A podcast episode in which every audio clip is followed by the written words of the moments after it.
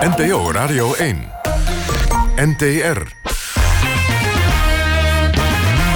Kwesties met Marianne van den Anker. Goedenavond, vrienden van de radio. Welkom bij weer een nieuwe aflevering van Kwesties. Het live debatprogramma van de NPO Radio 1. Waarin wij actuele en brandende kwesties in Nederland bespreken. Meekijken met ons hier in de mobiele studio kan via de app of op radio1.nl. En discussieer met ons via Twitter. Gebruik dan de hashtag kwesties. We staan vanavond de bus in Den Haag bij het strand op Kijkduin. Een paar kilometer van het zwembad Zuiderpark. Een zwembad waar het volgens de medewerkers goed mis is. Ik citeer uit de brandbrief die een oud-medewerker ruim een maand geleden stuurde over de dagelijkse gang van zaken. Moslimtuig. Die medewerkers bekogelen met stenen. De Hollandse meisjes die worden betast in de wildwaterkreek, ook wel bekend als de aanrandkreek. Gaat het pasjesysteem dat nu in zes Haagse zwembaden wordt ingevoerd, net als dat overigens al gebeurt in één zwembad in Amsterdam, helpen? Of zijn er extra maatregelen nodig? Moeten deze gezinnen waarbij de ouderen uh, uh, aangesproken worden via het pasjesysteem... wellicht korting krijgen, de ooievaarspas. Oh, wellicht moeten we het met elkaar gaan hebben over of dat hormoongedreven pubergedrag op een andere manier aangepakt moet worden. Misschien is dat ook juist wel weer zinloos en discriminerend en er zijn er andere maatregelen nodig. We gaan uh, er straks natuurlijk verder over praten, maar ik sta hier op straat en een moeder hier naast mij. Mag uw kind of uw kinderen alleen naar het zwembad? Nee. Waarom niet? Omdat vanwege dat hele gedoe met uh, wat er in het zwembad gebeurt... Uh, dat de meisjes lastiggevallen worden. En als je als ouderen ook er wat van zegt, dat ze moeten ophouden... die worden dan ook niet respectvol behandeld. ze jouwen ze ook uit en dat soort dingen. Nou, ouderen worden natuurlijk bang voor... omdat er ook een hele groep jongeren zijn... die dan ook gelijk met tegelijkertijd aanvallen... En ja, dat vind ik niet fijn. Het is niet meer zo als toen. Dat je gewoon met je kinderen, je kinderen naar het zwembad kon sturen. Dat was niet meer zo. Duidelijke mening hier van ervaringsdeskundigen. Zeer veel dank. Ik ga snel onze mobiele studio weer in. Straks dus meer over de orde in de zwembaden. Collega Natasha Gibbs is in Groningen in Café De Rits.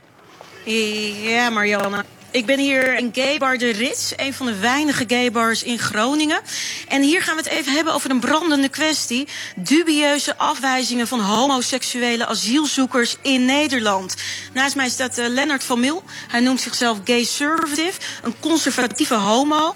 En Sandro Kortekaas uh, van LGBT Asylum Support. Hij zet dag en nacht in voor homoseksuele asielzoekers. En hij is hier in Groningen een opmerkelijke petitie gestart. Sandro, jij luidt de noodklok als het gaat om het asielzoekersbeleid voor homoseksuele asielzoekers. Hoe urgent is dit probleem dan? Mm, behoorlijk urgent. Uh, op dit moment uh, krijgen we tussen de 1 en 2 keer per week krijgen we een vraag van een uh, LHBT'er die vastloopt in de procedure en waarbij het IND dus aangeeft van dat ze niet gay genoeg zijn, oftewel niet homo genoeg, ongeloofwaardig. En daarmee is het een reden dat ze uitgezet kunnen worden. Je hebt ook iemand meegenomen, Mustafa. Vertel eventjes over Mustafa. Ja, klopt. Nou, een heel lang verhaal van hem, dat staat op mijn uh, Facebookpagina... wat inmiddels al 30.000 keer gelezen is. Uh, Mustafa is een voorbeeld, maar Mustafa kan ook Mohammed of Ali of Ahmed heten. En Mustafa die is de afgelopen maand, maandag is hij uh, uit de opvang gezet. Uh, hij had nog een periode waarin hij uh, daar kon blijven na de negatieve beschikking. Maar op een gegeven moment word je gewoon op straat gezet. En um, ik heb hem uit de AZC ge gehaald. Hier in Groningen kan hij worden ondergebracht bij Inlia. Dat is een organisatie die door de gemeente wordt ondersteund. En hij zit hier nu op de vluchtelingenboot. En Mustafa is gay? Uh, Mustafa is behoorlijk gay, kan je wel stellen. Hij staat hier naast je. Uh, Mustafa uh, spreekt Engels. Mustafa, it's your birthday today. Congratulations. Thank you. But is it a happy day? Because what will happen to you when you have to go back to Iraq, where you're from? Uh, killed. They will kill me. Yeah. From the airplane, because my picture and video is on media now. So I cannot, it's not possible to go back to Iraq. Immediately when you, uh, uh, when you exit the plane, that's it for you. Yeah, this the end my life. Yeah. Heftig verhaal. Uh, ja, maar ja, goed. Hoe weet je nou of iemand echt homo is of niet? Uh, volgens jou, Sandro, is het uh, onomstuitend, staat het vast dat Mustafa homo is.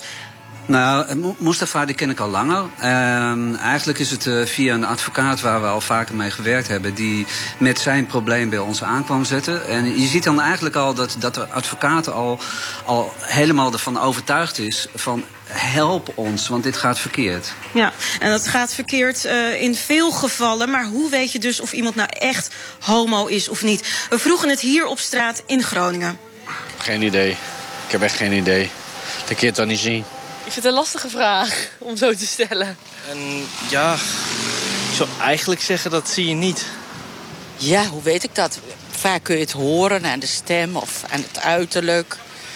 Maar verder weet ik het ook niet zo goed. Nee. Drag queen wel.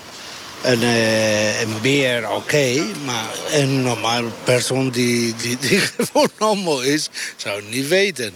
Ik, uh, ik zie dat niet zo snel, uh, nee. De enige manier die ik zou weten is om het echt uit te testen, maar dat is ook een beetje raar, hè? ja. Tja, lollige antwoorden misschien. Maar voor de IND ligt het dus veel ingewikkelder. Sandra Kortekaas, daarom ben jij hier in Groningen een petitie gestart. Niet gay genoeg. Wat wil je precies? Nou, de, de petitie is eigenlijk. De bedoeling daarvan is dat we willen hebben dat zodra een asielzoeker een negatieve beslissing krijgt. dat het niet alleen aan het IND en aan de rechter is om uh, te bepalen of iemand wel of niet zijn status kan krijgen. Wat we nu zien is dat er heel veel bewijzen het IND naast zich neerlegt. En wat wij willen is dat er daartussen een toetsingscommissie kan komen. En, en het is een toetsingscommissie waarin, waar het IND van gebruik kan maken en waarin uh, zitten, maar ook uh, nou, mensen die, zoals ik, die uh, de asielzoeker veel uh, langer en breder zien en bekijken en beoordelen. Maar een onafhankelijke commissie dus, die voor de IND een bindende uitspraak doet over al die geweigerde aanvragen van homoseksuele asielzoekers. Begrijp ik dat goed? Ja, dat is uh, helemaal correct. Duidelijk. Nou, naast mij staat Lennart van Meel. Uh, Lennart, je bent niet alleen een conservatieve homo, maar ook politiek actief. Uh, klinkt dat goed, zo'n aparte commissie speciaal voor homo's? Ik vind het heel lastig. Uh, ik ben er zelf uh, niet echt een voorstander van, want je creëert eigenlijk een soort uh, aparte rechtbank voor LHBT'ers. En uh, zij kunnen zich tot een bepaalde commissie wenden, die dan vervolgens een bindende uitspraak doet voor de IND, waarmee zij dus het laatste woord hebben. En daar ben ik op tegen. Ik vind dat het laatste woord altijd aan het IND uh, en eventueel aan de rechter moet zijn. Nou ja, het, het klinkt toch wel. Nee, ik ben het helemaal niet mee eens. Het, het, laatste woord is altijd aan de rechter. En wat je dus nu ziet, is dat uh, Ian... Nou, nee, wordt, wordt hier gezegd niet als het bindend is. Als het een bindende commissie is, dan is niet het laatste woord aan de rechter natuurlijk. Dan is het laatste woord aan de commissie. Waar het om gaat is dat het niet zomaar een advies is, maar dat het een advies is wat het IND niet uh, naast zich mag leggen. Wat we nu zien is dat je alles wat je inbrengt, ook al is het van een psycholoog, ook al is het van je partner, maakt niet uit. Het IND legt het naast zich neer. En wat wij willen is dat er een, dus een commissie komt die een, uh, dit bindende advies kan geven.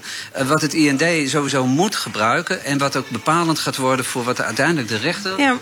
het eindoordeel geeft. Maar wat Lennart dus zegt, buiten de rechters om. Uh, nee, het is, op dit moment wordt namelijk zo'n commissie al gebruikt. Maar dat is niet voor de LHBT's, maar dat is voor de christenen, die oorspronkelijk moslim waren. Maar is dat een bindende commissie? Uh, het is een commissie die op dit moment uh, door het IND al geraadpleegd wordt. Ja, maar dat is wel iets anders. Ik zou er best mee kunnen leven als er een soort commissie komt, een soort van uh, adviesorgaan waar de IND zich zo kan wenden. Uh, maar wat ik dan ook liever zou hebben, is dat zij zich niet gaan bemoeien met lopende zaken. Maar dat zij bijvoorbeeld op voorhand samenwerken met de IND om hen te leren van goh, hoe kun je er nou achter komen hoe iemand homo is. Dat je uh, aan het begin van het proces al met ze samenwerkt. Maar dat het wel het laatste woord als aan de IND is. Uh, ja, voor een deel kan ik je daar best in volgen. Um, maar die commissie voor de christenen, die wordt al gebruikt. En wat wij vinden is dat... Um, Even een voorbeeld. Uh, onlangs stond er een uh, artikel in het Parool. En daarin gaf uh, het IND ineens. liet ze weten van. Ja, als het nou nog eens een, een, een belangenorganisatie is als COC Nederland. of een andere organisatie. en die komen met een goed plan. dan willen, we dat eigenlijk best wel eens gaan bekijken. En wat ik dus eigenlijk bij deze wil eisen. is. want dit kan bijna niet. We hebben te maken met IND, een, een overheidsinstantie. die ineens gaat zeggen van. oké, als iemand met een leuk plan komt. gaan we er eens even naar bekijken.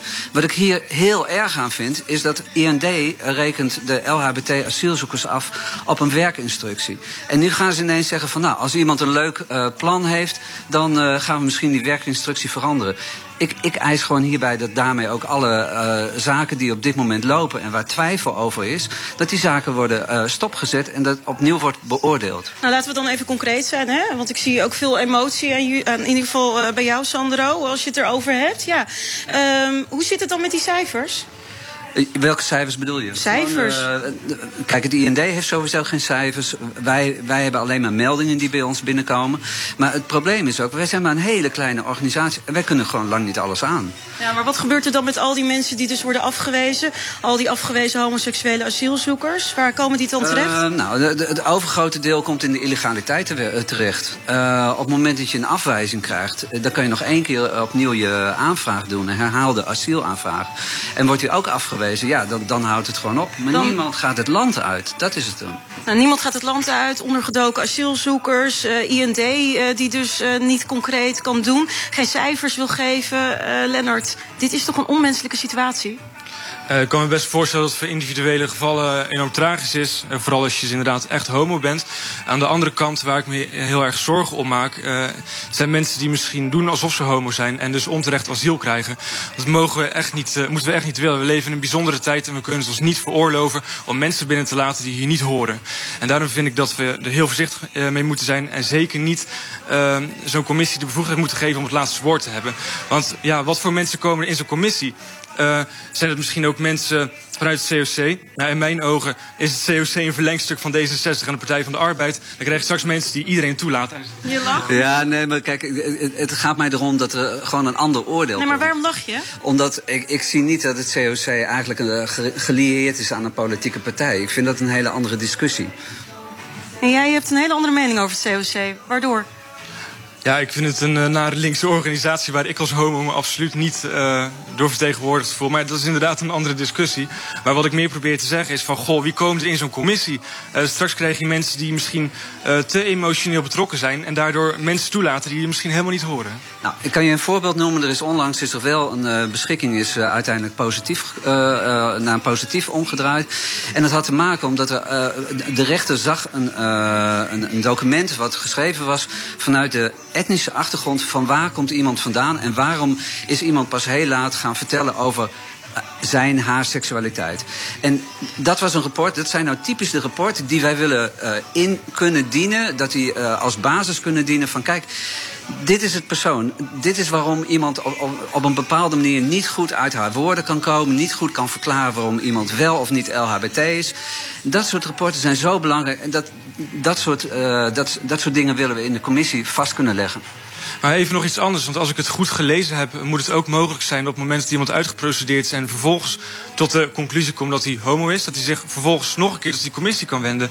Maar dan zijn we toch gekke Henkie als we dat doen. Ik bedoel, als iemand hierheen wil komen om misschien economische redenen en dan wordt afgewezen en dan ineens homo is. Dan kun je toch niet nee, intrappen? Nee, ik vind het. Uh, je hebt altijd nog te maken met een bewustwordingsproces waar juist het IND naar op zoek is. En, en kijk, je, je, moet het zien als mensen. Ja, maar die... wacht even hoor. Maar bedoel je dan dat je gewoon hier in Nederland als asielzoeker erachter mag komen dat je in één keer homo bent? Uh, Krijg je gewoon maar kansloze mensen die homo worden? ja. ja. maar er zijn natuurlijk heel veel mensen die pas hier duidelijk uh, zich kunnen uiten. En, en dat, is, dat is het proces wat je hier in Nederland ziet. Ik snap best dat wij in een luxe positie zitten in Nederland... en dat wij ons met allerlei psychologie kunnen bezighouden... dat het in andere landen anders is. Maar ik ben niet gek. Je kunt niet, als iemand is afgewezen... en dan ineens op de proppen komen dat hij homo is... dat, dat geloof ik gewoon niet. En daar moet je heel erg voor oppassen. Nou ja, goed, dat is een goed argument. Maar toch, wij willen bij de staatssecretaris echt eisen... dat er een, dit soort stopzittingen, vooral van Mustafa... dat het, dat het uh, klaar is. Nou, je hoort het een brandende kwestie voor politiek Den Haag. Uh, ik zou zeggen, kom maar op met die cijfers. Heren, bedankt. Terug naar jou, Marianne. Dankjewel, uh, Natasja. We staan inderdaad in Kijkduin met onze mobiele studio. Het zonnetje is hier weg. Maar ja, het belooft wel een hele lekkere warme zomer te worden... met hopelijk ook heel veel zwembadbezoek. En dat ook voor de jongeren hier in Den Haag. Maar wie wil dat nog, zou je denken... als je de berichten hoort over het intimiderende en grensoverschrijdende gedrag... met name hier in het Zuiderpark zwembad. Vrouwen en meisjes die wekelijks worden aangerand. Badmeesters die na sluitingstijd met stenen worden bekogeld. Vrouwelijke collega's die dagelijks worden uitgescholden. Geïntimideerd en bespuugd. En dat wordt er dan ook nog eens een keer voor duizenden euro's aan materiaal gesloopt in dat zwembad. Je waant je in een oorlogsgebied. Dat melden medewerkers van het zwembad in een brandbrief. U hoort een anonieme medewerker over de situatie van het Zuiderparkpad in Den Haag. Het is een noodkreet. Jongens, help ons. Doe er wat aan. Het wordt allemaal maar uh, gekleineerd, wat ik al zei. Ja, dan voelen mensen zich uh, ongelukkig door. Uh, en kan u, kan u dus een beetje voorstellen dat jonge meisjes niet meer in die zwembaden komen? Want ik daag iedereen uit die twijfelt. Dat zou ook nog twijfel kunnen zijn, hè? Misschien wordt het uit de duim gezogen. En dat is niet lelijk bedoeld, zeker niet. Stuur dochters naar, langs van het hockeyveld Klein Zwitserland, ik verzin maar wat. 18, 19 jaar in een, in een spannende bikini. Nou, dan wil ik wel de einduitslag van u weten. De maat is vol voor de gemeente. En wethouder Rabin Baldew Singh van Sociale Zaken zegt dat er nog dit jaar pasjes gaan komen voor alle zes zwembaden in Den Haag. Vandaag praten we hierover in onze mobiele studio met jongeren, twee lokale politici en een bezorgde vader die in actie is gekomen in Utrecht in een zwembad. Een van die politici is Lex Kraft van Ermel van de lokale partijgroep De Mos. U hebt die brandbrief van het Zuiderparkbad ontvangen. Schrok u van de noodkreet? Ja, daar schrok ik uh, zeer zeker. Uh, niet helemaal, want ik had al eerder uh, mondelingen signalen gekregen. En deze brief had, ik, had ik al in concept gezien. En overigens heb ik hem verspreid op verzoek van mijn collega-raadsleden. En met toestemming van de, van de afzenders. En wat daarin wordt beschreven, ja, dat kan natuurlijk niet meer in een, in een Haag zwembad. En in geen enkel zwembad in Nederland. Lex, waarom is die brief eigenlijk anoniem verstuurd? Die brief is anoniem gestuurd. En dat is ook de reden dat er nu geen personeel, zeker ex-personeel van het zwembad aanwezig was zijn onder mijn verzoek. Omdat deze mensen toch in een soort van ja, slecht uh, hoekje zitten. Ik zou bijna zeggen verdom hoekje. Ja, dat kan uh, bij, de, bij de NPO 1. en dat mag je ze, zeggen, ja. ze verwachten represaillemaatregelen als hun namen bekend worden. En, en hun stemmen worden van herkend. Van leidinggevenden, uh, in, in de zin van slechte beoordelingen, uh, mogelijk overplaatsingen en in het eerste geval ontslag. Oké, okay, eigenlijk zit er dus achter dat de leidinggevenden het wellicht stil hadden willen houden dat het zo erg eraan toe gaat in dat Zuiderpark zwembad. Ja, want je zei net in de inleiding, het, het is, voor de wethouder is het nu genoeg. Is het, is het einde en worden er maatregelen genomen, is de maand vol. Uh, maar eigenlijk heeft het wanbeleid van deze wethouder en de leidinggever in het zwembad ertoe geleid dat deze pasjes komen. Als ze van een begin af aan echt handelig hadden opgetreden, niet hadden weggekeken en direct maatregelen hadden genomen, was het misschien niet zo erg geweest als uh, wordt beschreven. Nu zegt u zelf ook, uh, ik wist dat die anonieme brief er kwam. Ik heb ook een concept gezien. Vanaf wanneer wist u vanuit groep de Mos dat het zo'n puinhoop was in dat zwembad? Uh, eigenlijk vanaf vorig jaar augustus uh, kreeg ik eerst de mondelinge signalen. Toen werd ik benaderd uh, via telefoon. En, en, ik heb gezegd, nou, dat moet je melden aan jouw leidinggevende. Mm. ik heb, kom zelf uit de ambtenarenwereld, dus ik weet hoe de hiërarchie werkt. Ga naar je baas, uh, uh, dat, uh, en, en, en meld het. En, als een soort klokkenluider? Nou, dat hoeft niet. Ja, nou ja, goed, nu, als je direct naar je baas gaat. En later heb ik ook nog de klokkenluidersregeling mm -hmm. heb ik, aangehaald. Maar zelfs dat wilden ze niet meer doen. En voor jou was het geen reden vanuit de politiek toch het belangrijkste orgaan, de gemeenteraad, om al vorig jaar meteen uh, Rabin Balder Singh uh, aan zijn taas te trekken? Nou, ik wilde eerst het, het normale proces afwachten van melden uh, bij je leidinggevende en kijken wat die leidinggevende gaan doen. Dat heb ik een, een, een, een tijdje afgewacht en uiteindelijk toen daar ook niks uitkwam, toen kwam deze brief en toen ben ik daadwerkelijk aan de bel gaan trekken. Mm. Um, om wat voor jongeren gaat het eigenlijk die daar de boel verstieren in het Zuiderpark zwembad? Het gaat om uh, uh, jongeren uit, uh, uit de leeftijd van 12 tot 17, 18 jaar. Uh, ongeacht achtergrond, ongeacht het kleurtje, om het zo maar te noemen. Uh, of het nou uh, wit, blank, zwart of, of bruin is. Het gaat om alle jongeren in de leeftijdsgroepen die ik net noemde, van 12 tot 18 jaar. Oké, er gaan wel overigens geruchten dat het ook een moslimtuig is, wat met name daar de boel versteert. Kunt u dat bevestigen of ontkrachten? Uh, uh, geef erbij, dat heeft in de, in de brief gestaan. Maar mij maakt niet uit of het nou Ahmed heet of Henk heet. waar het op gaat is dat mensen, inclusief de jeugd... dus ze zich moeten gedragen in het zwembad en ze moeten volgen... en zwemmen volgens de regels van het bad... en moeten luisteren naar de aanwijzingen van de badmeesters. Dat was Lex Kraft van Ermel van Groep de Bos, lokale partij hier in Den Haag. Gassan Kutschuk, u bent fractievoorzitter van de Islamdemocraten, ook een lokale partij uit Den Haag. Um, in die anonieme brief stond dat het moslimtuig was, die met name daar voor intimiderend gedrag zorgt en uiteindelijk ook meisjes aanrandt en heel vervelend is. Kunnen we hier inderdaad Mar Marokkaanse en Turkse jongeren de schuld van geven, wat u betreft? Nee, niet alleen hun. Want uh, het punt is dat de wethouder heel duidelijk heeft aangegeven... dat het niet hier alleen om Turken, Marokkanen of moslims gaat. Het is een, de daders zijn een afspiegeling van onze samenleving. Tien mensen is het zwembadverbod uh, opgelegd. En uh, hij, geeft, hij, hij, gaf heel duidelijk aan dat het een afspiegeling van onze samenleving zijn. Dus de helft is gewoon blank. En, dat is wat de wethouder ja. zegt. Hè. Die heeft onderzoek gedaan. Maar de, ja. de mensen die werken bij het zwembad... die ja. zeggen met name... het is een dominantie van allochtonen met een islamitische achtergrond. Juist veel allochtone jongeren met een moslimachtergrond... hebben geen grenzen. En het zijn vooral ook jongeren nog eens een keer... met een criminele achtergrond. En ook nog eens een keer van allochtone afkomst. Dat nee, is wat de medewerkers nee, zeggen. dat zeggen de schrijvers van die brief. Mm -hmm. En die geven aan dat er meer dan twintig uh, badmeesters... die achter hun staan, achter deze brief staan... En uh, die badmeesters hebben heel duidelijk aangegeven... dat ze absoluut niet achter deze brief staan. En helemaal niet uh, de termen die daar worden gehanteerd. En uh, qua inhoud ook niet. Dus de beschrijvers van de brief zitten gewoon te liegen. En dat is ook de reden waarom ze anoniem die brief hebben geschreven. Dus u hebt een hele andere lezing daarvan. U hebt ook als islamdemocraten gezegd... omdat er moslim thuis staat en een link wordt gelegd met Marokkanen en Turken... ga ik aangifte doen. Nee, niet alleen daarom. Kijk, wij zitten tweeledig in. Hè? Het ene feit is dat er gewoon problemen zijn in zwembaden. Die kennen we al, al heel lang. Dat is al meer, niet uh, van gisteren of van vijf jaar geleden. Dat is al tientallen jaren voor. En dat ze ook blijven voordoen. Uh, want we hebben hier over jongeren te maken die ze gewoon niet gedragen. U zegt het is gewoon pubergedrag? Pubergedrag. Uh, niks te maken met de islam? gedrag. Natuurlijk niks met islam te maken. Dus als je kijkt naar cijfers, statistieken... bijna alle verkrachters in Nederland zijn gewoon, hebben gewoon blanke kleur. Dus waar hebben we het over? Dus is het dan een blanke probleem? Nee, het is gewoon een, je hebt gewoon verkrachters in het land... En uh, je moet het niet over etniciteit hebben. En bij dit probleem is het ook geen etniciteit. Het is een puberprobleem. U zegt, ik heb aangifte gedaan om twee redenen. Waarom hebt u aangifte gedaan en tegen wie? De ene feit om normalisering gewoon tegen te gaan. Want tegenwoordig is het heel normaal om moslims... om, om Marokkanen Turken te gaan bashen. Het is gewoon tegenwoordig god. Om, om te discrimineren, om racistisch te zijn... naar, naar een bepaalde groep in onze samenleving. En dat doet die, die schrijvers van deze brief ook. Om gewoon heel duidelijk aan te geven... dat we van ambtenaren niet accepteren... dat ze racistisch zijn dat ze discrimineren. Dus dat je een klokkenleider wilt, we gaan een moet je doen. We geven niet het recht om buiten de wet te gaan treden.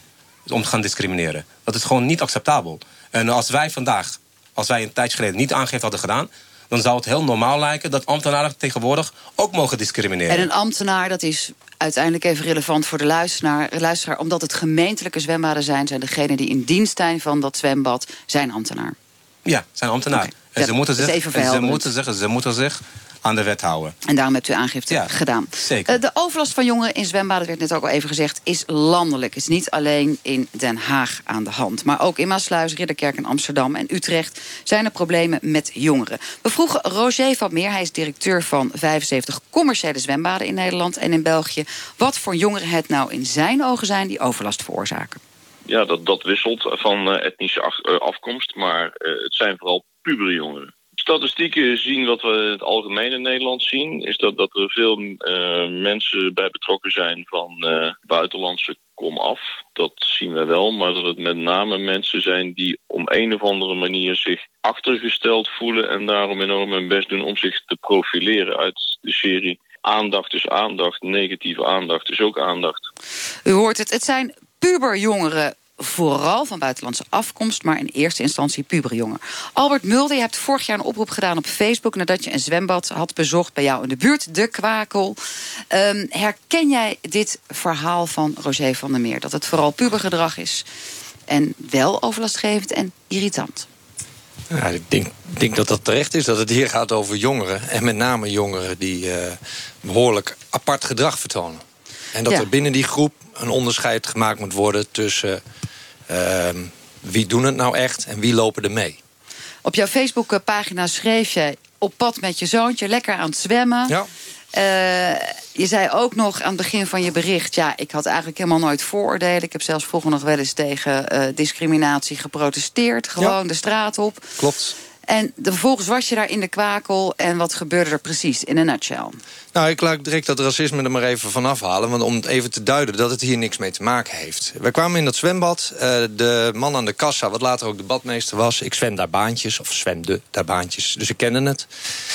Uh, die waarschuwde ons dat het in de ochtend beter was om voor gezinnen om dan te zwemmen. Nou, ik dacht, het gaat over overlast, wat lawaai. Maar binnen in het zwembad heb je nou, wat, wat, wat een soort subtropisch gedeelte... en wat gedeelte voor kleintjes.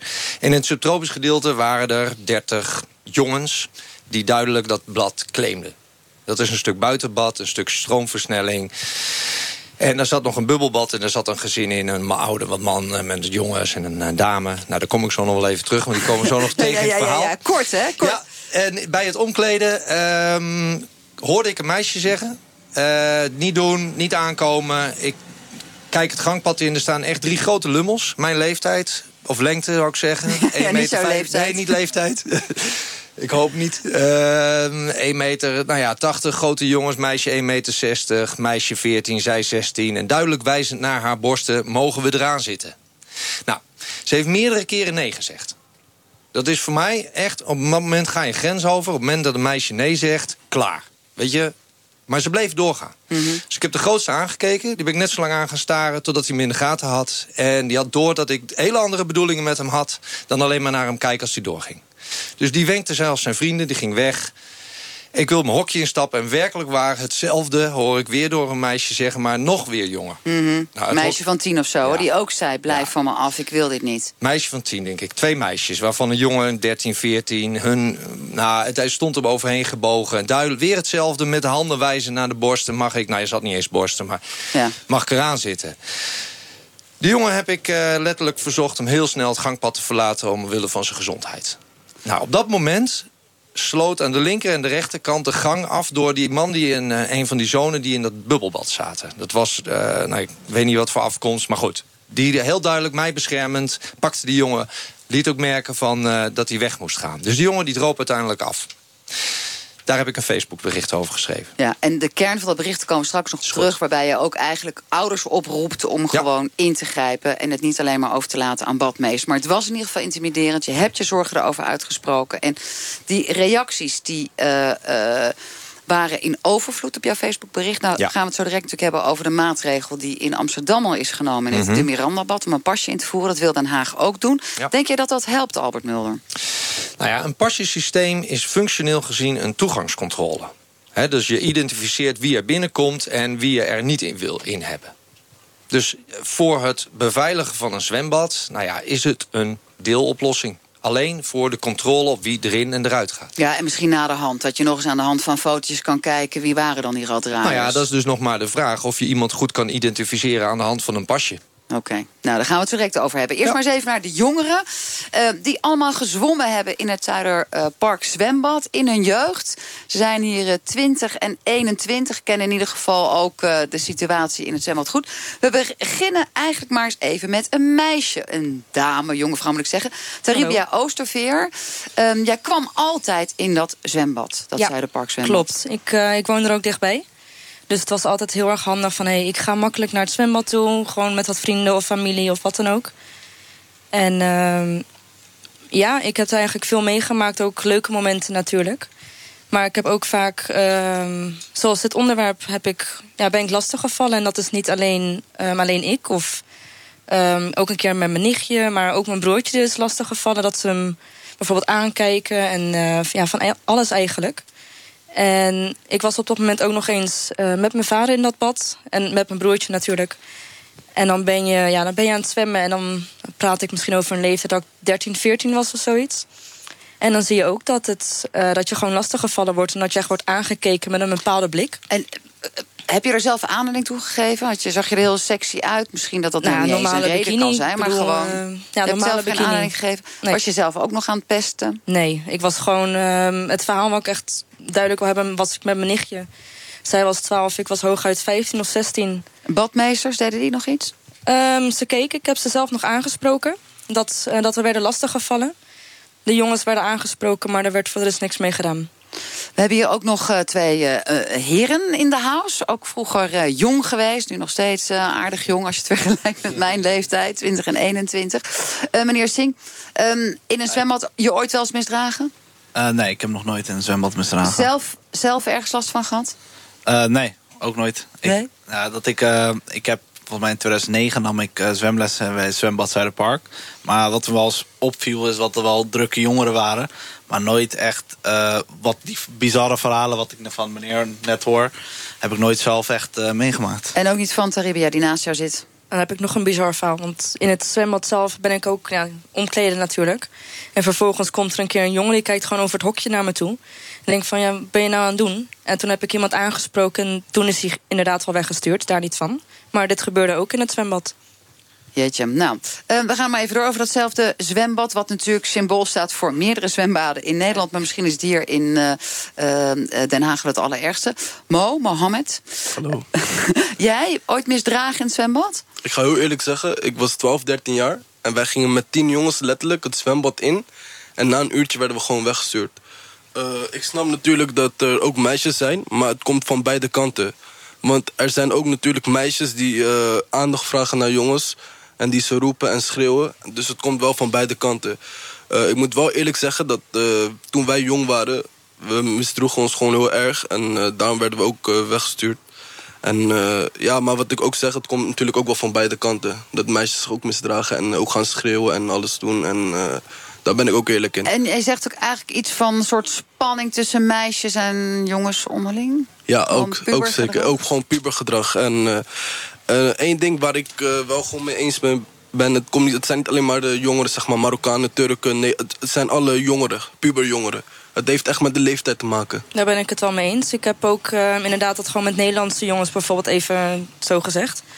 Zie je inderdaad ook Nederlandse jongens die eh, bepaalde dingen of proberen, zeg maar, of dat ze je gaan lastigvallen. Daar ben ik het met je eens. En herken je dan het beeld ook, Teribia, dat er ook meisjes zijn... die juist weer de aandacht van jongens opzoeken... en dat het nou eenmaal zo gaat in een zwembad? Dat dat wellicht ook Ehm, van alle tijden is? Zeker. Er zijn op zekers meiden die zich ehm, bijvoorbeeld echt nog gaan opmaken, speciaal voor een zwembad. Oh, hm. Moet je wel watervaste handen ja, hebben, Nee, dan precies. ligt het meteen op de en bodem. dan ehm, ja, dat ze gewoon gaan zwemmen. Dan bijvoorbeeld de heetheid voor de jongens zwemmen, weet je wel. Maar bijvoorbeeld als ik ehm mo, toch? Ja. Als, stel dat de meiden dan helemaal niks doen. Wat, en ze- dus ze worden toch lastig gevallen. Waar zie jij het probleem dan aan? Eh, ja, dan ligt het gewoon aan de jongens zelf. Gewoon dat, ze, dat ze zelf gewoon die meisjes lastigvallen. En eh, ja, wat ik ook zeg, het zijn alle culturen. Het zijn ook Nederlands, Marokkanen, Turken, Pakistanen. eh, alles, alles zit erin. Weet u nou als jongeren, wanneer jullie, als, als jongens, jongens, wanneer het te ver gaat, dan spreken we Ja. elkaar er onderling op aan? Ja, eh, dan wil ik ook heel graag zeggen, ik was in de Draaikon in Zuidpark. En, eh, de draaikok, dat is het draai- bekende kreekje, toch ook? Klopt. Waar eh, het Ja. niet goed gaat met meisjes. En eh, jongens zaten letterlijk gewoon in een rij om meisjes aan te raken daar. Dat heb ik met mijn eigen ogen gezien. Het gebeurt. En waren gewoon alle afkomsten waren daar aanwezig. Verschillende jongens. Eh, gewoon probleem, probleemjongeren ook. En ze zaten gewoon echt aan het meisje. Maar wat ik, wel- wat ik wel eerlijk zeg, dat meisje deed niks. Dus zij vroeg ook wel heel erg om aandacht. En eh, wat jij ook zegt over badmeester, ben ik het ook wel mee eens. Ze luisteren wel naar je, maar ze doen er verder niks mee. Klopt. Oké. Daar ben ik het wel We mee gaan eh, ja. heel even luisteren naar dat eventueel roldingetje wat meiden daarin kunnen hebben.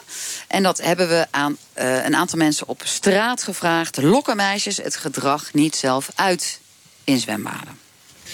Meisjes vragen er Ja, dat is zo. Het is hun eigen risico dat ze zo rondlopen. Nee, want je moet toch zo zwemmen? Je moet toch gewoon zo zwemmen in een bikini, vind ik. Als je een mooie lichaam hebt, helemaal. Ik zie dat meisjes heel vaak ook eh eh, haantjesgedrag vertonen. Weet je? Dus eh, overal waar, ze, bijvoorbeeld, waar zij komen met, met een groep vriendinnen... dat ze dan gaan schreeuwen, gaan lachen, eh bij de hand opmerkingen gaan maken. Nee, bijvoorbeeld gewoon, je komt binnen en hun zeggen, hé hey, schatje bijvoorbeeld, en je negeert dat. Dan noemen ze je, oh hoer, wat denk jij, kan je, ehm, dat je me kan krijgen, dit, dat. Ja, zo, zo doen ze gewoon. Want dan gaan ze dan de stoere jongens eh, spelen. Van, omdat ze die aandacht niet krijgen van ons, dan staan ze een beetje verschut bij hun vrienden. Dat heb ik nooit meegemaakt. Dat is gewoon normaal, het zijn gewoon eh, jongeren. Onder elkaar, dat is gewoon normaal. Ik loop vaak met mijn eh, lange broek en misschien nog zelfs, eh, eh, weet ik veel, kleding over mijn kont heen en alles. Maar ja, je hebt ook meiden die er echt eh, natuurlijk heel erg triggy bij lopen, zeg maar. Dus dat... Als een chick ja, hier half naakt loopt en ja, dat is haar zaak. Nee. Je moet sowieso niet geen meisje Dat Alleen pijpbeurt. Er was één meisje, die was aan het zwemmen... en alle jongens stonden in de rij en die pakt daar gewoon van achter. Dat heb ik echt gezien. Er zijn genoeg jongens die dat zeggen. En er zijn ook genoeg meisjes die dat ook echt wel doen. Het zelf uitlokken en daarna zielig lopen dat doen.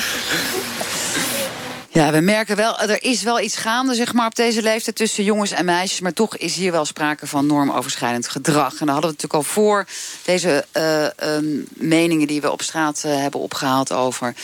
Eh, het kan toch niet zo zijn dat alles maar toegelaten kan worden bij meisjes? Mo, wanneer ben waarvan zou je zeggen van bij wie zou ik ooit nog eigenlijk mijn spijt willen betuigen? Als ze het nu hoort, dan kan ze nu naar Kijkduin komen en dan kom ik echt plechtig mijn excuses aanbieden. Ja, ik heb, om eerlijk te zeggen, ik heb geen meisjes aangerand of zo, maar ik was vroeger natuurlijk ook geen liefertje op school. En eh, ik heb wel aan meisjes gezeten. Toen ze zeiden nee, ik ging wel gewoon door. Maar ik wilde natuurlijk, ja, ik wilde natuurlijk wel kijk, nu ben ik 21, toen was ik 12. Als ik er nu over nadenk, vind ik het wel erg. Want je denkt het toen, je denkt er niet aan van, vindt het meisje het erg? Wat gaat haar vader denken en haar moeder denken? Dat is natuurlijk wel erg. Mo, ik zou bijna denken, eh, met de gemeentepolitiek die hier ook op de bank zit... je moet die Mo daar straks bij dat zwembad neerzetten... en die uitgerekt met die gasten laten praten van... joh, ik heb er zelf spijt van wat ik vroeger gedaan heb. Zou je dat durven? Zou je dat doen? Ik zal zeker de jongens eh, ja, op het goede pad willen leiden. En zeggen van, denk nou bij jezelf. Eh, stel je voor de hebt. En iemand zit aan haar, zou jij het leuk vinden? Nee, toch? Dus eh, denk voor jezelf erover na van dat het niet goed is. Je moet niet zomaar aan een meisje zitten. Kijk, als je een vriendin hebt, is het natuurlijk een ander verhaal. Maar meisjes die je niet kent, moet je niet zomaar aan zitten. Nou, willen jullie allemaal hier in deze mobiele studio... een beetje weg van eh, moslim, islam, Marokkanen, Turken? Zeggen het is eigenlijk allemaal alle culturen... en eigenlijk ook een beetje eh, eh, los van tijd, maar meer pubers, jongeren onderling. Toch is er ook gezegd dat het vooral ehm, eh, meisjes zijn... die geen moslimachtergrond hebben, die niet worden lastiggevallen. Precies andersom. Eh, da- eh, daar ben ik het niet mee eens. Het het is gewoon alles. alles. Alle soorten meisjes worden lastiggevallen. Hm. Ehm, als enige meisje hier in, eh, in de studio, gaat dat pasjesysteem helpen, denk jij? Ehm, ik denk dat als jij de, ehm, controleert wie er binnenkomt en vervolgens kijkt van hé, hey, dit doet lastig of je ziet het of het wordt aangegeven van die is lastig, dat je dan ehm, daar wel maatregelen mee kan nemen. Alleen ik denk dat het, ehm, als er meerdere bezoekers komen, dat het langzaam, ehm, nou, dat er wachtrijen oplopen, zeg maar, dat het dan niet zal werken of iets. Ja, het Miranda-bad in Amsterdam hebben wel goede ervaringen. 90% van de overlastreductie, maar wel lange wachtrijen. Lex, je wil iets zeggen vanuit Groep de Mos? Ja, ik zou wel wat, wat op willen zeggen. Natuurlijk, eh, die wachtrij is de eerste keer als je de pasje moet halen. En daarna eh, neem ik aan dat je een soort tourniquetsysteem hebt. Dan doe je je pasje in, in een, in een eh, gleuf en dan gaat het tourniquet open of niet. Maar het pasjesysteem werkt alleen als, op, op het, eh, als bij dit soort incidenten de mensen ook daadwerkelijk worden aangesproken. Wat eh, Mo zegt van, eh, ja, eh, zo, wat hij dan zou doen, maar dan, dat moet die badmeester dan doen. En in het ergste geval moet die badmeester aan zijn leidinggevende gaan en zeggen van nu de pasje blokkeren, dan werkt het. Jij bent voorstander, Groep de Mos, voorstander van het pasjesysteem? Ik ben een voorstander van, ja. Vanuit de Islamdemocraten? Nee, het is gewoon symboolpolitiek. Want de, de mensen in Amsterdam die er ervaring mee hebben... die hebben heel duidelijk aangegeven dat ze zo snel mogelijk van af willen. De hele grote fout is geweest dat ze het hebben ingevoerd. Het is gewoon puur symboolpolitiek. Het is allemaal bureaucratisch. En wij zijn... eh, Kijk, wij vinden dat dit probleem nooit echt helemaal eh, opgelost gaat worden. En is dan ook nog een soort draconisch dat eh, Den Haag dan de eerste stad in Nederland is... waar het geldt voor alle gemeentelijke zwembaden? Want alle zes krijgen dan in één keer zo'n pasje. Ja, maar het lost niet op. Het probleem wordt niet, wordt niet daardoor opgelost. Want een, nog een ander voorbeeld. Hè. In het uitgaansleven doen zich meer incidenten voor dan in zwembaden. Voetbalvelden, da- da- daar gebeuren veel ergere dingen. Moeten we overal pasjesystemen gaan invoeren? Overal? Nou, weet, je ik wat er, het, weet je wel wat in een café of een bar gebeurt? Het is natuurlijk een hele vreemde vergelijking. Lex, voor- Lex voor- of, of, of, een, of, een, invoeren. of een meisje in, in bikini. Want ik denk dat je toch in een hele andere positie bent. Als meisje in bikini, als meisje op een voetbalveld. Ik vind dat een non-vergelijking. Bent u wel eens uit geweest de afgelopen tijd? Weet, Oh je, ja, hoe, weet je ja. hoe jongens of meisjes daar lopen? Ik, eh, heel regelmatig. Ja, en ik, en, ik heb ook eh, echt meegemaakt, ik heb ook meegemaakt ook dat, er, dat er goed werd, werd opgetreden. Weet, Door hoe, bijvoorbeeld. weet, weet u hoe dat wordt dat gedanst allemaal ik, daar zo? ik werd. nou ja, daar zijn ze wel bij. Er is allemaal pasjesysteem invoeren, zeker. Oké, we gaan even, want ik ben- er zit hier een meisje. Jij wordt eigenlijk ook samen met alle andere meisjes beschuldigd door Hassan... om het even Ja. op scherp te zetten, dat je je nogal eh, opzichtig kan kleden in nee, een dat bar. heb ik niet gezegd hoor. Nou, je zegt net dat als je in een club Jongens komt... en meisjes, zei ik. Ja, nee, oké, maar over, het gaat nu over de meiden die dan lastig gevallen worden. Onder andere, maar jongens worden ook lastiggevallen. Ja, oké, Nou, maar geloof me hoor, jongens worden ook echt lastiggevallen hoor. Ehm, ja, kan ik best geloven. Maar over het uitgaan bijvoorbeeld. Ik geef het, eh, ik geef het toe dat meiden kunnen zich heel erg bloot uit, of, eh, kleden zeg maar, als ze uitgaan. En dan vind ik persoonlijk dat je zelf ehm, ja, aantrekkelijk aankleedt als in... Hey, ik, ik lok het uit. Kan ik best geloven. Maar hoe wil je dan naar een zwembad gaan? Moet je dan een surfpak aan of zoiets? Of Nee. hoe zie je het? Maar het gaat daar niet om. Het, gaat hier om dat mensen worden lastiggevallen. Omdat meisjes worden lastiggevallen, want daar gaat het hier om... moeten we pasjesysteem in gaan voeren. Maar meisjes worden ook elders uh, lastiggevallen. Moeten we overal pasjes eh, gaan invoeren. Maar zou je daartoe bereid zijn als jij zegt dat gaat überhaupt niet werken? Nergens niet pasjes? En als we het al zouden moeten doen in zwembaden... dan ook bij voetbalvelden en bij bars en bij clubs... en bij dik het wat allemaal niet meer. Ja, ja, als je dat gaat doen, ja. Oké, maar je gelooft er ook verder niet in. Ik geloof er niet in, nee. Albert?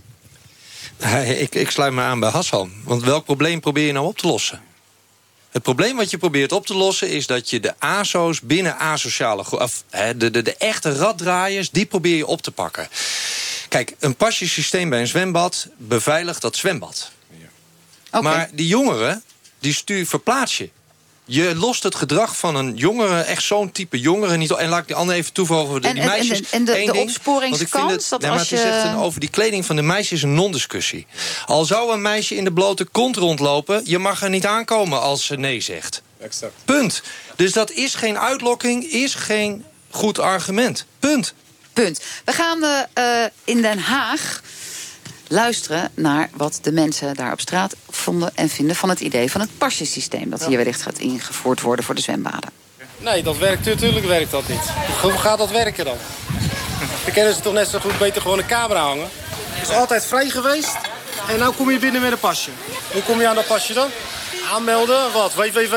nog wat of zo. Ik denk wel dat, het, dat, het, dat je het kan gaan proberen of het werkt. En dan kom je er vanzelf wel achter of het werkt. En dan kan je het altijd weer terugvoeren dat het niet meer zo is. Maar ik denk dat het, dat het wel kan werken. Ik krijg niet mijn voeten laten nu. Ik vind het onzin, want stel voor dat je denkt van oké, ik ga gewoon een dagje zwemmen. Moet je een hele pas aan gaan vragen omdat je met je kinderen wilt gaan zwemmen bijvoorbeeld. Omdat dat gebeurt. Daar, daar heb je toch niks mee te maken. Daar krijg je meer overlast. Want dan gaan de jongen misschien juist aan de poort vervelend doen. Begrijpt u? Tuurlijk, je kent iemand, je wilt die niet in jouw tent, club, wat dan ook. Tuurlijk is dat normaal. Natuurlijk niet. Ik bedoel, je gaat toch niet eh, mensen eh, om een ID of paspoort vragen als ze willen gaan zwemmen? Nou, ik vind het wel handig.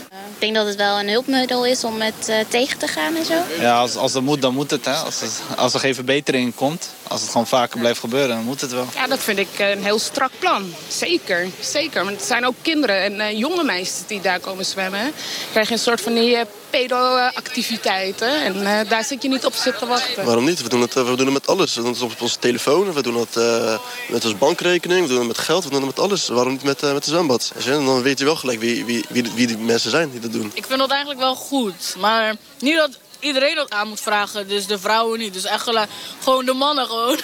Want die vrouwen gaan toch geen mannen lastigvallen. Dus gewoon de jongens moeten dat. Nou, in ieder geval eh, pasjes voor de jongens, zei eh, de laatste persoon eh, die we vanmiddag spraken in Den Haag. Ehm, Mo, wat vind jij ervan? Pasjes, idee? Ja, je kan het wel gaan invoeren, maar het blijft toch wel gebeuren. Ja, dus... Is, maar deel je dan van Hassan Kutschuk de mening van het is gewoon een, een, een schijnverhaal, dan zouden het op veel meer terreinen moeten doen? ja, of maar... wat Albert zegt, je pakt het echte probleem niet aan met een pasje? Ja, ik vind, eh, ja, bijvoorbeeld bij het uitgaan is het ook gewoon van... Maar dat, dat is natuurlijk anders dan een zwembad, weet je. Dus ik vind het, eh, ik sluit me wel gewoon aan bij, eh, bij hun ook. En wat vind jij, eh, meneer Singh? Ja, kijk, eh, het ligt er nou net aan als, als ze daarmee denken dat ze de daders makkelijk kunnen vinden. Want wat die daders natuurlijk doen, dus dat kan natuurlijk niet. Je, je zegt eigenlijk het voordeel is dat je de anonimiteit een beetje voorbij bent. Je kunt ze wat makkelijker opsporen en vinden. Eh, ja, ja, als iedereen een pasje heeft, dan stel dat jij misdragen hebt daar. En eh, je, als je komt daar en je pasje wordt niet meer, eh, werkt niet meer, ja, is dat misschien wel een idee. Maar met het uitgaan, wat ik bedoel, dan komen veel meer mensen. Bij een zwembad meestal niet. Dus en, en de pakkans kan worden verhoogd. En eventueel de straf die de gemeente Den Haag op wil, wil stellen... deze wethouder Rabin Baldev Singh is ook dat als je ernstig misdraagt... dat je wellicht ook gewoon vijf jaar lang dat zwembad niet meer in mag, hè? Zeker, als je, als je wordt beschuldigd van, eh, van aanranding en het is bewezen dat het zo is, dan eh, krijg je een, een ontzegging tot maximaal vijf jaar. Ja, daar ben Ja. ik helemaal mee eens. Maar ehm, ik, ik heb een, eh, iets van een strafrechtelijke achtergrond nog ooit in het verleden. Volgens mij is een aanranding gewoon een strafbaar feit. Ik bedoel, moet je dan niet gewoon aangifte gaan doen? Nou, dat, dat, dat, dat in de eerste plaats natuurlijk, dat moet je sowieso doen. Maar kijk, het, eh, het bezwaar tegen het passysteem zoals wordt geformuleerd... dat geldt op het moment dat je alleen maar dat pasje uitreikt... en verder niks aan doet. Maar op het moment dat het passysteem bestaat... en iemand die misdraagt zich... dan kun je dat pasje blokkeren. En dat betekent dat diegene de volgende keer niet meer het bad in komt. Dat is het voordeel van het En passysysteem. vind jij ook, ehm, Lex, want jij bent voorstander van het pasjesysteem vanuit Groep de Mos, dat er altijd, als je toegang wordt ontzegd, ook politie bij moet komen? Want dan is er kennelijk wat aan de hand. Nou, afhankelijk van, eh, van de aard van de overtreding of, of het misdrijf. Kijk, het gewoon schelden. ik denk dat de politie daar niet voor komt. Maar als het gaat over aanranding. da- da- da- daar moet de leiding van het zwembad moet daar gewoon standaard de politie bij halen. En, en, en, weet je wat nou het voordeel is? Ja, maar sorry, De- er is het politie. laat- Mag mee, ik even ik- uitspreken? nee, nee, het politiebureau. Het politiebureau is 100 badmeesters meter van het zwembad Zuiderpark. Komt hij daar nou Hassan bij? Kutschuk. Maar hoe komt hij nou bij? U moet het echt met, eh, met feiten gaan komen. Dus badmeesters zien gewoon incidenten gebeuren. Dus dat vrouwen worden verkracht, meisjes worden verkracht of worden aangeraakt. En u zegt, die badmeester doet helemaal niks. Je laat gewoon toe. Ja, dat zeg ik. Maar verkrachting of aanranding zijn, zijn twee verschillende zaken. Maar op een gegeven moment, als het meisje of de jongen zegt van ik word aangerand, hè, laat, laten, we dat even, laten we dat even aannemen, dat, dat, dat zoiets gebeurt en dat ik al zeggen, dan moet de jongen of het meisje moet desnoods via die badmeester aangifte doen. Want het politiebureau is Ja, maar hoe 100 komt meter. hij erbij dat het niet zo is? Nou, dat, dat hoor ik uit, dat hoor ik Weet- uit, zijn, dat jullie als, als, zijn jullie als gemeente eh, politici geïnformeerd over het Tuurlijk, aantal strafzaken wat daar loopt? Tuurlijk. Ja. Die zijn er haast niet. En nul. Want nul. niemand doet aangifte. Pardon? Nee, nee. Hoeveel sorry, sorry, sorry, sorry. De wethouder is heel duidelijk gekomen met een brief. Tweemaal zelfs. De eerste keer heeft hij aangegeven dat hij zich absoluut niet kan vinden in de inhoud van de brief. Ja, dat is een en anonieme brief. en toch Ja, neemt hij maatregelen. En toch neemt hij maatregelen. Hoe kan dat? Door die druk. Hij is uit symboolpolitiek aan het bedrijven. Niet het probleem aan het oplossen. Dat is het punt. 48 Nee, maar uw probleem incidenten, is dat u een probleem heeft 48 met deze wethouder. tot en met nee, aanranding. maar u heeft een probleem dat u een probleem hebt met deze wethouder. Met zijn wanbeleid Sorry, sorry. Deze wethouder is Voordat we nou, oh, nee, voordat we nou helemaal kort, eh, afdwalen en alle onderwijs. pijlen gaan richten op Rabin ja. gaan we het hebben over dat zwembadprobleem en die pasjes... en de rol van de politie. Wat wilt u dat de politie doet? politie doet al zijn werk. Dus als, als, als er iemand komt aangifte doen, dan neemt hij ook aangiftes aan. Hij wordt ook eh, gehandeld. Maar die incidenten, ja, kennelijk doen ze niet voor zoals het in de brief wordt omschreven. Kennelijk niet. Roger naar van. Meer, de directeur van naar die eh, verhaaltjes, naar 75 eh, commerciële zwembaden in België en Nederland... die heeft ook aangegeven wat in zijn ogen een goede oplossingsrichting is. En dat is niet het pasjes, maar wel iets anders. We zien dat wijkagenten toch eh, een enorme sleutel tot succes zijn. Zij kennen vaak de jongeren, hun oudere broers en zussen, hun ouders. En eh, je ziet dat het vaak jongeren zijn die niet alleen eh, voor problemen zorgen in de zwembaden, maar ook gewoon in de stad in het algemeen. En dan is het vaak belangrijk dat je weet wie het zijn, waarom ze het zijn en dat je eigenlijk de discussie aangaat voordat het dreigt te escaleren. We hebben dan ook goede afspraken dat op het moment eh, met protocollen dat dit dreigt te escaleren, dat er meteen ingegrepen wordt door onze medewerkers. En als het echt escaleert in combinatie met de lokale politie. Albert, in Utrecht en de Kwakel speelde het ook. Daar heb jij natuurlijk jouw negatieve ervaring gehad. Je hoort nu hoe ze in Den Haag proberen op te lossen. Wat vind jij van het idee van die politie erbij betrekken? De wijkagent of aangiftes doen, direct die politie erbovenop. Absoluut. Absoluut. En wat je er bovenop moet doen, en dat doen ze, hebben ze ook in Utrecht gedaan. Ik heb in het gesprek met de directeur van het zwembad daar en iemand vanuit de gemeente. De standaard aanpak in Utrecht daar was eh, iemand van het zwembad, gemeente en de politie. In een overleg van een soort veiligheidsdriehoek. Direct besluiten, is dit een misdrijf of niet? Zo ja, politie erbij. En sowieso daar los van, ouders erbij of niet. En eigenlijk altijd de ouders erbij. Die zijn vaak niet op de hoogte dat de jongeren allemaal uitspoken. En wat ook net wordt aangegeven het is niet het enige probleem wat jongens veroorzaken. Het gaat vaak over jongens.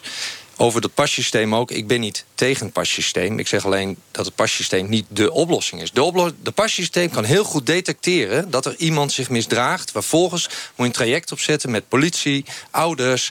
en misschien nog wel een paar stappen meer. En het pasje blokkeren. En een paar, stap, Absoluut. een paar stappen meer. Wat vind jij dan nog een paar stappen meer? Nou, wat je volgens mij. ehm, kijk, die jongens die hebben de vrijheid om te bewegen en dit soort gedrag her- herhaaldelijk te blijven vertonen. Ook in het uitgaansleven, ook op de voetbalclub. Ehm, Hier op de boulevard. kijk overal. Nou, wat je wil, wil, is dat eigenlijk de meelopers achter die jongens aan geen belang meer hebben om achter die jongens aan. Sterker nog, dat ze eigenlijk liever niet achter die jongens aan willen lopen... omdat ze worden geconfronteerd met de consequentie. En die is er nu niet. Albert, wat is jouw indruk? ehm, want je hebt het inmiddels natuurlijk in verdiept... en ook Ja. in Utrecht met heel veel mensen gesproken. Ja. Kunnen de badmeesters en badjuffen het in Nederland aan? Nou, niet in zwembaden met zulke extreme groepen. Ik heb de hoofdbeveiliging gesproken die over een probleemzwembad ging in Utrecht. Die, die beveiligt ook de binnenstad van Utrecht. Werkt veel samen met gemeente en politie. En die zei, jaren geleden heeft Utrecht besloten... in bepaalde zwembaden beveiligingstaken neer te leggen bij badmeesters. Hij heeft dat afgeraden, want een expert in beveiliging is niet een badmeester. Oké, dus dat betekent dat er een plus-plus-plus pakket moet komen. Dat je precies moet weten wat echt een probleem is. en Wat is probleem jongeren en daarbinnen probleem specifieke jongeren en gezinnen. Zeker. En Mo, je hebt natuurlijk zelf, eh, ik spreek jou maar aan wat jij hebt toegegeven in deze uitzending. Dat je vroeger ook echt in dat zwembad verkeerde dingen hebt gedaan. Er wordt gesuggereerd dat als je ouders erbij zouden zijn gehaald. dat jij je misschien anders zou hebben gedragen. Of een badmeester of een politieagent. Zou dat inderdaad helpen? Ja, zeker. Eh, op de middelbare school heb ik eh, dat soort dingen ook geflikt. En gelukkig heeft mijn vader mij daarop aangesproken en tegen mij gezegd van... jongen, dit is niet goed. Dit kan ook, eh, als het erger wordt, kan je zelf ook een eh, strafblad of wat dan ook... kan je ook krijgen. En eh, ik zou me maar gedragen en op je toekomst focussen. En op je school, want dat is veel belangrijker dan dit soort onzin dingen. Lex Kraft van Ermel vanuit Groep de Mos. Nu willen jullie nog een stap verder gaan. Ehm, en wellicht ook de ooievaarspas. Het is een speciale pas die je in Den Haag kunt krijgen voor korting... als je niet meer dan 130% van een minimuminkomen hebt. Om die ook af te pakken. En eventueel ook ouders in de problemen te brengen... met korting op hun bijstand als hun kinderen zich niet gedragen. Waarom die extra maatregel, zeker als je nu gehoord hebt van Albert... dat je het misschien ook nog via een andere route zou kunnen inzetten? Nou, die route moet je ook eerst doen. Maar uiteindelijk, en dat is natuurlijk een ultieme maatregel... Uh, heb ik, uh, weet ik uit ervaring dat als je mensen in de portemonnee pakt... dat ze dan luisteren. Met andere woorden, als dat inderdaad de route... via een badmeester, via politie, via uh, ouders ja. niet werkt... dan is het uiteindelijk, en ze, en ze misdragen zich weer dan moet je aan dat soort maatregelen denken die je net noemde. Ja, wel als je dus het eerste hele basisprogramma bedoelt. Oké. Okay. Dat zegt Albert. Ik denk sowieso dat als jij de, het pasjesysteem hebt... en je, um, ja, je weigert bijvoorbeeld de, de entree van de jongens... die of mij, dat maakt niet uit... ze mogen zeg maar niet meer binnenkomen. En als je dat ook nog naar de ouders toelegt... dan denk ik sowieso wel dat je al een stap verder bent. Want dan zijn sowieso de ouders geconfronteerd. Nee, maar... Meneer Singh? Ja, wat ik ook vind, wat uh, die bizarre verhalen wat ik van de meneer net uh, naast me hoorde. Dat jullie zeggen van de, ja, de pasjes innemen, ooievaarsbinnen. Ik vind natuurlijk ook dat natuurlijk aangifte moet gedaan worden. Want ik vind dat echt niet kunnen, weet je, als die jongeren dat doen bij. Uh, wat u zei, 12, 14-jarige meisjes. Meisje van 10 zelfs. Ja, dan moet er echt aangifte gedaan worden. En gewoon, ja. Oké, okay, als het een strafbaar feit is. Ja, tuurlijk. Mo? Wat jij zegt, dan, uh, dat ze zeg maar niet meer binnenkomen. Maar ze kunnen ook naar andere zwembaden gaan. En dan gaan ze daar weer doen. Dat klopt, daar ben ik met je eens. Maar met het pasjesysteem bedoelt meneer dat um, alle zwembaden in Den Haag dan... Um, de gemeentelijke zwembaden, dat zijn er maar zes. Ja, dus dan okay, moet je niet sorry, de, de zes in Den Haag, sorry. Ja. Dat, die dan, uh, dat je daar sowieso niet meer binnenkomt als het uh, nee. geweigerd is. En, en, nog iets heel iets anders. Hè. Waarom niet gewoon gescheiden zwemmen? Dan ben je van alles af. Dan vallen die meisjes, de jongens ook niet meer lastig. Maar dan zou denk... ik niet meer met mijn vriend kunnen zwemmen.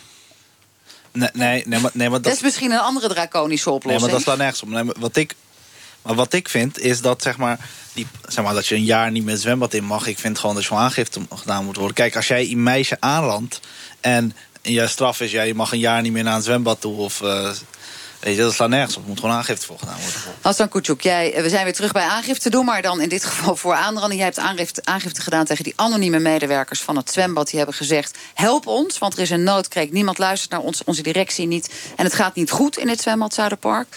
Je hebt aangifte gedaan wat jij zegt... deze mensen hadden nooit moslimtuig uh, mogen roepen. Kan jij je niet beter op het probleem richten... dat iedereen veilig kan zwemmen? En wat ga je daar morgen aan doen? Nee, nee, nee, nee zo werkt het niet, hè? Kijk, dat je een probleem aankaart wil niet zeggen dat je het recht hebt om te discrimineren. Om racistisch te zijn. Want heeft hij de brief gelezen? Moslimtuig, Islamabad. Veel achterjongeren hebben criminele inkomsten. Uh, ze willen aan, zitten aan onze meiden. Dus die brief is vanuit een onderbuik Maar als zou maar voor een deel waar zijn, dus waarom maak je daar zo druk over... en niet over het feit dat meisjes van 12 of zoals nee, nee, dat nee, uh, Terribe dat zegt... van je gaat door een draaikolk heen en je wordt gewoon hè, in, je, in je muts gepakt. Want dat is toch ook heel erg? Ik geef aan dat ik allebei belangrijk vind. Niet alleen met het feit dat er uh, problemen zijn in zwembaden... maar ook het feit dat ambtenaren, ambtenaren heel normaal vinden tegenwoordig... om te gaan discrimineren. Dat moet ook keihard aangepakt worden. Lex van Ermel die, die, die, zitten, ja, die vindt het allemaal goed... omdat ze ook bij hebben gedragen tot standkoming van die brief. Want uh, zij gaan ook over de inhoud van die brief. Want zij, zij zijn een partij bij. Jawel. Oké, Hassan. Even een vraag aan jou. Even een vraag aan jou. Ik snap je standpunt over dat racisme. Maar wat ik niet snap is dat je eigenlijk ook in je bewoording net toegeeft... van het probleem zal ook nooit worden opgelost. Daar maak ik me wel ernstig zorgen over, die opmerking. Ja, waarom dan? Omdat ik vind dat dit probleem wel degelijk is aan te pakken. En de houding van het is niet aan te pakken zorgt er ook voor dat het niet wordt opgelost. Het probleem is niet alleen een probleem van vandaag. 50 jaar geleden, 30 jaar ja, geleden, 10 jaar geleden. we niks veranderen. Nee, sindsdien is men bezig om het probleem op te lossen. Albert, je hebt zelf een idee bedacht ook nog om het probleem aan te pakken. Vertel dat nog even, Albert Mulder. opgelost. Ja, maar herhalen maakt de boodschap niet duidelijker, Hassan. Wat we hebben opgelost is dat ik een initiatief heb gevraagd... vanuit de media of vanuit Facebook, en daar is ook reactie op gekomen om een, op de telefoon een noodapp te creëren om nood te roepen. Die is bijna klaar. Ja. Ik heb daar ook bij de burgemeester van Utrecht ben ik uitgenodigd, gepresenteerd. Die is laaiend enthousiast geweest over het idee. Ik heb de jongen van de week gesproken. Binnenkort gaan we als doorgaan met 40.000 man tasten. Oké. Okay. Ja. Is dat iets wat Den Haag zou oppakken, Lex? Nou, ik, ik, uh, het is zeker het, uh, het overwegen en het bestuderen waard. Ja, okay. op Zou alle jij locaties. Het is goed dat, is overal in Nederland het is goed dat meneer daarmee bezig is. is. Dat verwachten we van elke burger. Maar het gaat het probleem niet helemaal okay. oplossen. Taribia, zou je op zo'n noodkop drukken als hij straks beschikbaar is?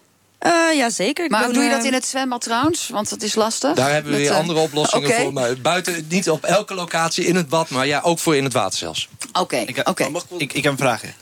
Vraag, we hebben geen tijd meer voor een vraagje.